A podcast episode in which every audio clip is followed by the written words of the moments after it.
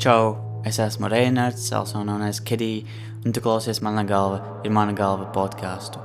Un šajā epizodē es vēlos ar tevi parunāt par kontrolējumiem sapņiem, ko angliski sauc par lucid dreams. Es pieļauju, ka ne visi no jums par to ir dzirdējuši, tādēļ vispirms sāksim ar to, ka parunāsim par to, kas tas ir, tad parunāsim par manu pieredzi tajā visā, um, es pastāstīšu arī par tehnikām, kā tu pats vari sākt kontrolēt sapņus un tā tālāk. Un pēc tam arī pafilozofēsim par to, kas tas varētu būt. So, kas ir kontrolējams sapnis? Ko es ar to domāju? Sakot, kontrolējams sapnis. Es domāju tādus sapņus, kuros tu apzinājies, ka tu sapņo, tu zini, ka tu sapņo. Un tu spēj manipulēt šo sapņu realitāti, kā vien tev tīk. Tas ir vairāk kā dzīvot tajā realitātē, nekā skatīties filmu. Jo kādi parasti cilvēkam ir sapņi, ir tādi, ka viņš vienkārši tur kaut ko iet un dara, un viņam ir, um, nu, viņš ir kā vērotājs. Un pēc tam, kad viņš pamostās, tad viņš to visu atcerās. Bet kontrolējams sapnis ir tad, kad tu, kad tu zini, ka tu sapņo, un tu spēj pats mainīt šī sapņa notikumus tu spēj teleportēties, tu spēj um, mainīt lietas tajā sapnī apzināti. Jo ir jau, ir jau sapņi, kuros tu esi kā supervarons un tu lido un tu tur, nezinu, uzcel māju, uh, no, noplaukšanot plaukstas, bet tu to nedari apzināti. Ja tu šobrīd klausies šo podkāstu, piemēram, un tu noplaukšķini plaukstas ar domu, ka tu gribi sev priekšā uzspaunot cūku, tad nu, visticamāk tas nenotiks. Bet, ja tu esi sapnī un tu tici, ka tagad tu noplaukšanās plaukstas un tev priekšā parādīsies cūka, tu noplaukšani plaukstas un tas notiek. Tā ir apzināta darbība. Jā, kontrolējams sapnis ir tāds sapnis, kurā tu apzinājies, ka tu sapņo. I think I've made that clear. Mana personīgā pieredze ar šiem kontrolējumiem sapņiem ir tāda, ka es par to interesējos jau kopš 7. klases, ja ne ātrāk. Jo es atceros, nu, pirmās reizes man šķiet, man randomā bija tādi sapņi, kuros es varu kontrolēt šos sapņus, bet es īsti nezināju, kas tas ir un nebija baigi interesējies par to. Bet pēc tam es sāku lasīt fórumus un skatīties tur internetā un arvien vairāk par to uzzināju. Un tad jau es uzzināju par tādām lietām kā sapņu žurnāls un reality check, par metodēm visādām, Ja es nemaldos, tad vidusskola bija tas laiks, kad es ļoti intensīvi ar to nodarbojos. Un pēc tam norimos, un tad atkal bija mazs brīdis pēc vidusskolas beigšanas, um, kad es atkal, man uzplaiksnīja šī vēlme. Un pēc tam tas atkal norima, un kopš tā brīža, kas ir jau vairāk kā gadu vai divus, es neesmu uh, intensīvi praktizējis sapņu kontrolēšanu. Tādēļ, ka tas nav viegli. Tas ir ļoti, vismaz priekš manis, ļoti smags process. Ne tieši sapņu kontrolēšana un tās metodes, bet to uzturēt. Tādēļ, ka par, mēs parunāsim par to pēc tam, kad es runāšu par tehnikām, bet vienkārši jā, tas, tas ir viens no iemesliem, kādēļ es to nepraktizēju katru dienu un visu laiku. Kā varētu likties, ka cilvēks gribētu darīt, ja viņš uzzina, ka kaut kas tāds eksistē. Bet man personīgi tas nav tik viegli. Varbūt ir cilvēki, kuriem ir vieglāk, bet nu, ne man katrā gadījumā. Tas iemesls, kādēļ es vispār par to sāku interesēties un kādēļ tas mani aizrāva, ir, ir vairāk faktori. Viens ir tas, ka kontrolējumā sapnī tev nav limitu. Tu vari darīt jebko, ko tu vari iedomāties. Tu vari uh, būt jebkur, tu vari darīt jebko, tu vari redzēt lietas, kuras tu nespēji ar vārdiem izskaidrot, kuras parastajā 3D realitātē neeksistē, piemēram, krāsas, skaņas vai uh, figūras, formas, tur nezinu. Vēl viens iemesls un interesanta lieta, kādēļ mani aizrauja šī sapņu kontrolēšana, ir tas, ka tad, ja tu kontrolē sapni, tu vari uzdot jautājumus kaut kam gudrākam, nekā tu pats. Tu vari uzdot jautājumus un gūt atbildes, kas tevi var attīstīt garīgi un palīdzēt tavā ikdienas dzīvē. Piemēram, uzdodot jautājumus, kas ir nākamais manā dzīvē, kas man jāiemācās, um, kā, kāda mācība, kas man bloķē to iemācīties, vai kas ir mana dzīves jēga. Par pagātnes dzīvēm var visu kaut ko uzdot, par, par, par apgaismību var uzdot jautājumus. Like, tās iespējas tur nav ierobežojumi tam, ko tu vari iemācīties, vai kādus jautājumus tu vari uzdot un atbildes, kuras tu vari iegūt. Un man kā personai, kura vienmēr ir bijusi ieinteresēta kaut kāda veida garīgā attīstībā un uh, zināšanās, tas man ļoti pievilka. Un es nezinu, ar ko tu runā, tad, kad tu uzdod šos jautājumus, vai tu runā ar, ar gariem, vai ar dievu, vai kosmosu, vai savu zemapziņu.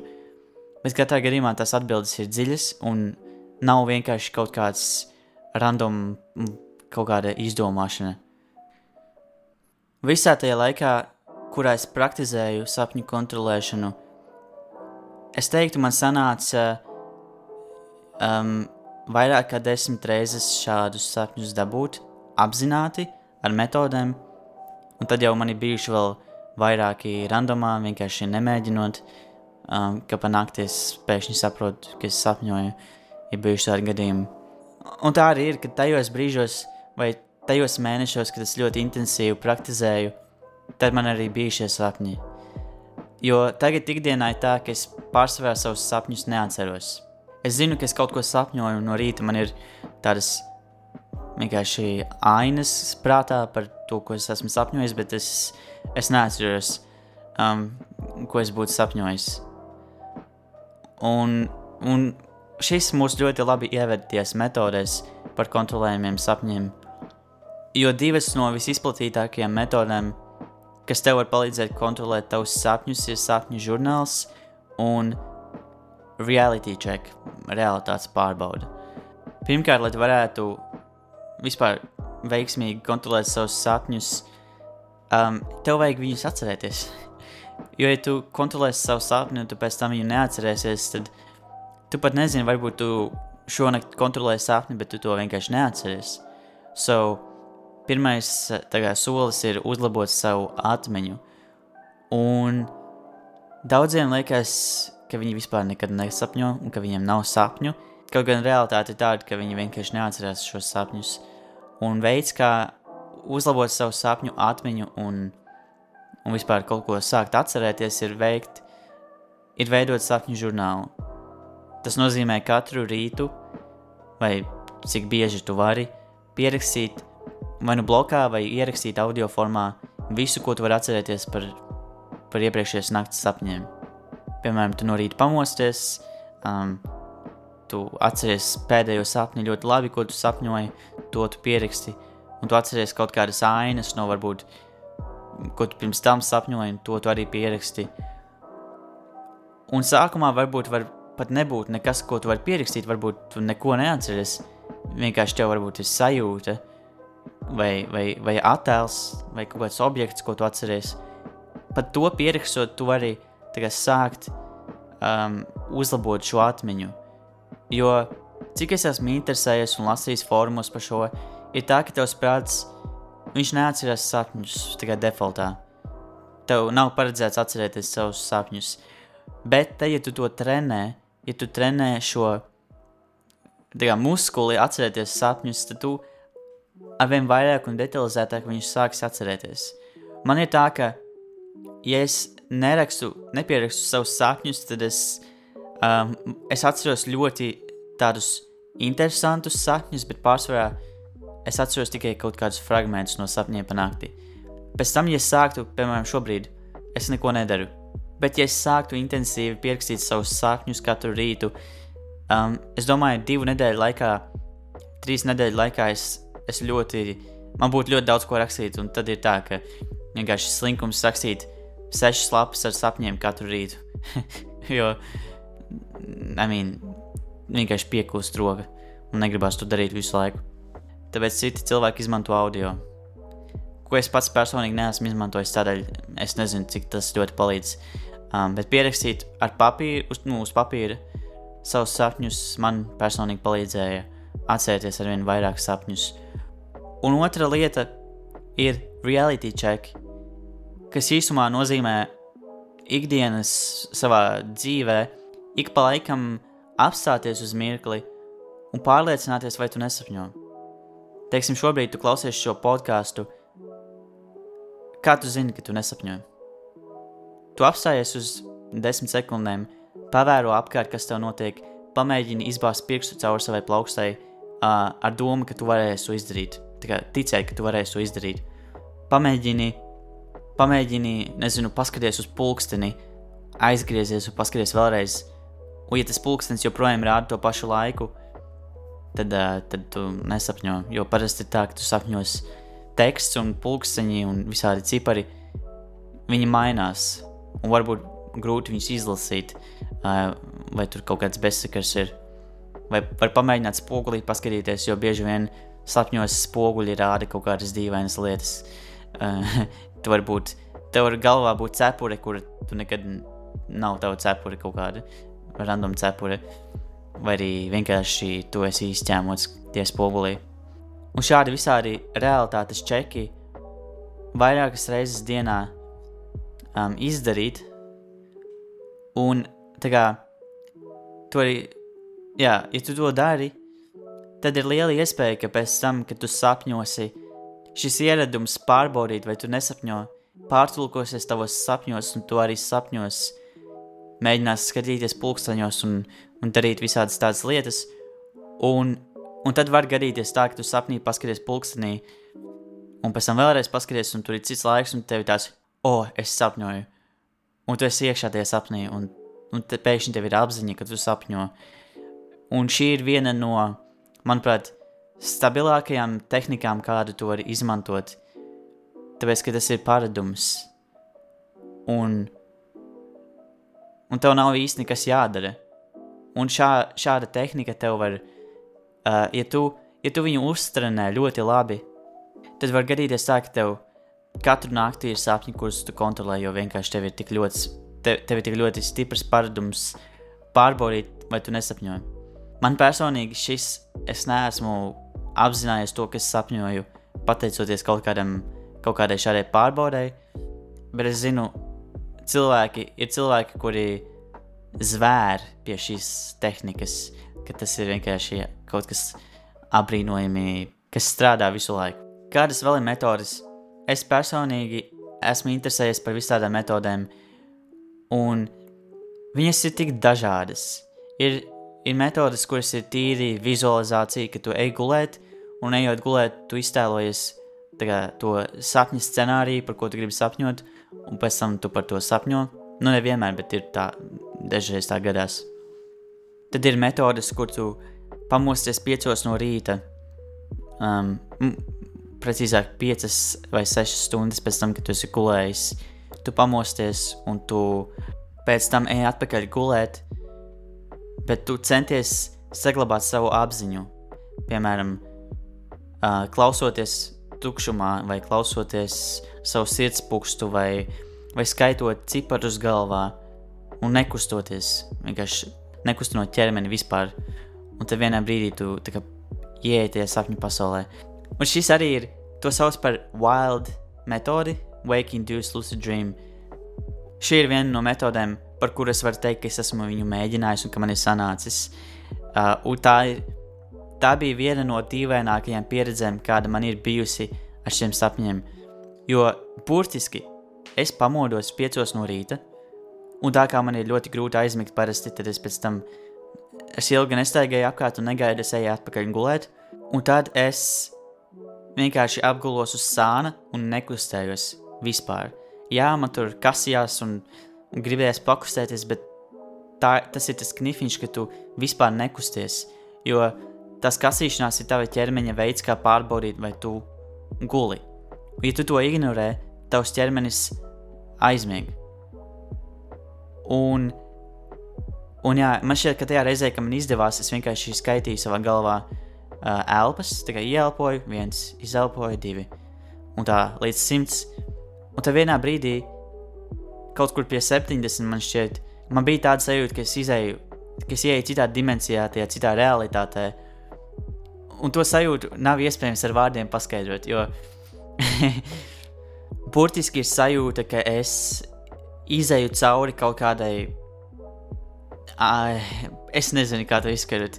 Tā ir viena no metodēm, kuras esmu mēģinājis. Um, otra metode ir Senses Induced Lucid Dream, kas ir viena no vieglākajām metodēm, ja godīgi. Arī kas tev ir jādara, tev ir jāpamostās pēc piecām stundām, sešām no rīta. Vienkārši no rīta, kad tu esi tikai pagulējis, bet tu vēl gribi gulēt. Lai tev ir viegli aizmigt, bet nav tā, ka tu pēc divām sekundēm aizmiedz. So, tu pamosties, un tad tu cikliski pievērs uzmanību savām maņām, savai redzēji, dzirdēji, taustēji, smaržai. Um, tur 5 sekundes vienai maņai, 5 otrai, 5 trešajai, pēc tam tu to dari vēlreiz, varbūt ilgāk, pēc tam vēlreiz. Un tā kaut kādas 3, 4 uh, tos ciklus, un pēc tam tu vienkārši ej gulēt un neko nedari, vienkārši mēģini aizmigt. Un tā kā tu esi pastiprināti pievērsis uzmanību savām maņām, tad tas tā kā ieiet tavos sapņos iekšā. Un, ja godīgi, es nezinu, kā tas strādā, bet šito es uzzināju kaut kādā ķīniešu formā. Uh, un tā bija pirmā reize, kad man speciāli sanāca. Tas uh, Wake Induced Lucid Dream man sanāca pēc tam. Bet šī bija viena no vieglākajām, jo es tur mēģināju visādus, un man nekad nesanāca. Bet tad es pamēģināju šito, Un man personīgi šī strādāja. Es vienkārši pievērsu uzmanību savām maņām, pēc tam aizgāju gulēt. Un nākamais sapnis, kur es sapņoju, es vienkārši kā, apzinājos, ka es sapņoju. Tas, cik ilgi man izdevās uh, noturēt šo kontroli, ir cits jautājums. Jo es pēc tam pazaudēju šo kontroli, tāpēc ka vienkārši tas arī ir jāpraktizē. Un es parasti ļoti sapriecājos, tad, kad es sapņoju, un saprotu, ka es sapņoju, tāpēc es parasti pazaudēju šo, šo kontroli. Um, Bet ir visādas tehnikas, un, ja tu personīgi pats gribi sākt ar to nodarboties un arī pētīt, tad jā, ko es tev iesaku? Es tev iesaku rakstīt savus sapņus vai, vai audio formā vai blokā um, pēc iespējas biežāk, lai uztrenētu savu atmiņu. Ja tu tā atceries plus mīnus savus sapņus, nu, tu to vari nedarīt, ja tev ir slinkums, Bet, ja tu vispār neatceries savus sapņus, tad tas ir obligāti tev jādara. Jo citādi vienkārši nav iespējams, kā tu atcerēsies, kad tu kontrolēsi sapni, ja tu viņu vispār neatcerēsies. Tā kā sāc ar to. Otra lieta ir tie reality check. Par šo runājot, man ir tāda sajūta, ka tad, ja tu ikdienā esi ļoti vērīgs un tu pievērs uzmanību apkārtnē, un tu neesi vienkārši robots, kas iet un dara kaut ko, ka tie reality check nav īsti vajadzīgi. Bet, nu, viņi var palīdzēt. So, es iesaku arī tos darīt. Tīpaši, ja tu nekad neesi pieredzējis šos šāda veida sapņus, un tu gribi pamēģināt, tad es iesaku darīt visu, kas ir tavos spēkos, lai, lai to iz, izmēģinātu. Jo ir arī tā, ja tu nekad to neesi pieredzējis, tev var būt šaubas par to, vai tas vispār ir iespējams, kas arī stāsies tavā ceļā. Tavs prāts stāsies tavā ceļā. So, jā, uh, sapņu žurnāls, reality checks. Un vēl viena lieta - meditēšana ir ļoti svarīga, jo meditēšana kaut kādā veidā atvieglo to kontroli, uh, palikt pēc tam tie sapnī. Jo tev ir jābūt mierīgam. Ja kaut kas ļoti priecīgs notiek tie sapnī vai ļoti bēdīgs, ja tu paļausies tam emocijām, tad vai nu tu pazaudēsi kontroli, vai arī tu pamodīsies un loģiski, ka, ka tu to negribi. So, meditēšana tev palīdzēs kā, visu laiku būt tādam uh, relaxētam un skatīties visu, uz visu bez īpaša attachment. Tāds ir mans viedoklis par tehnikām. Protams, ka es šajā podkāstā nevaru parunāt par visu, kas ir saistīts ar lucid dreaming, jo tas ir ļoti plašs temats. Un, un arī par tehnikām es nosaucu tikai divas vai trīs, cik tur Bet viņas ir daudzas, viņas ir simtiem. Un, ja tu, ja tevī interesē šis temats, un tu arī vēlies pats kontrolēt savus sapņus, vai vismaz izpētīt to, painteresēties, tad es iesaku palasīt fórumus. Ir speciāli fórumi tieši priekš lucid dreaming, kur cilvēki ļoti atsaucīgi, un tur ir ļoti detalizēti aprakstītas visas tās tehnikas. Jo šajā podkāstā es viņas tā ļoti virspusīgi aprakstīju, lai nu, kā, pārāk neiegrimtu detaļās, cikos tur jāiegulēt un tā tālāk. Bet, nu, tur var daudz ko uzzināt, so, ja tev interesē, es iesaku tiešām palasīt.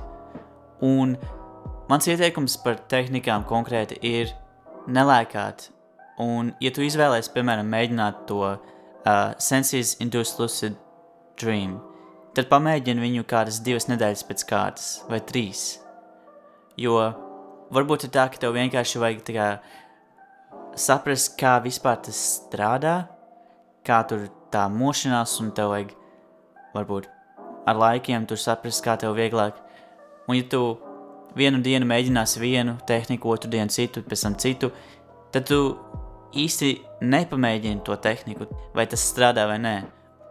Jo nebūs tā, ka ir viena tehnika, kura strādā simtprocentīgi visu laiku bez problēmām. Šo arī saka profesionāli cilvēki, kuri to dara regulāri, to lucid dreaming, ka viņiem ir vairākas tehnikas, kuras viņiem strādā, un ir uh, reizes, kad, kad kāda no viņām nestrādā vienkārši, un, un tas ir dabiski. Tas nav nekas, par ko satraukties, un, uh, un jā, vienkārši ar to es gribēju pateikt, ka vajag pamēģināt vienu un būt ļoti pacietīgam, jo, jā, tas ir, tas ir ilgs process, un, I mean, citiem nav tik ilgs, bet uh, var gadīties, ka tev aiziet vairāk kā mēnesis, kopš tu sāc pirmo reizi, um, līdz tu vispār kaut kur tiec iekšā un var sākt kontrolēt savus sapņus. Un arī pēc tam ir arī tādas lietas kā lucid dreaming bloki, ka tu, ka tev vienkārši nesenāk ļoti ilgu laiku. Un tad ir jāatpūšas no tā un vajag kaut ko citu padarīt un tā tālāk. Um, un tas ir viss, ko tu uzzināsi tajos fórumos, un es, es domāju, es arī vēl turpmākās epizodēs arī kaut ko par to parunāšu, jo loģiski, es neizrunāju visu, kas ir manā prātā. Bet, uh, lai šo epizodi kaut cik sakarīgā garumā paturētu, tad es arī šo laikam beigšu. Un, um, I mean, paldies par klausīšanos. Ja tev interesē, par ko es runāju, un varbūt tu vēlēsies man atbalstīt, vari piesakot sociālajos tīklos. Um, man ir Instagram, man ir YouTube kanāls arī. Um, ja tu zini, es rakstu mūziku, man ir Spotify. Un, I mean, ja tu aizies uz manu Instagram, tur ir visi linki un viss pārējais. Instagramā I love Kedī. Ja nav tas links, ja es viņu gadījumā esmu nomainījis, tad ir uh, kaut kur pajautāt draugiem. Um, jā, paldies par klausīšanos, un lai tev jauka diena atlikusi. Tiksimies nākamajā epizodē. Atā!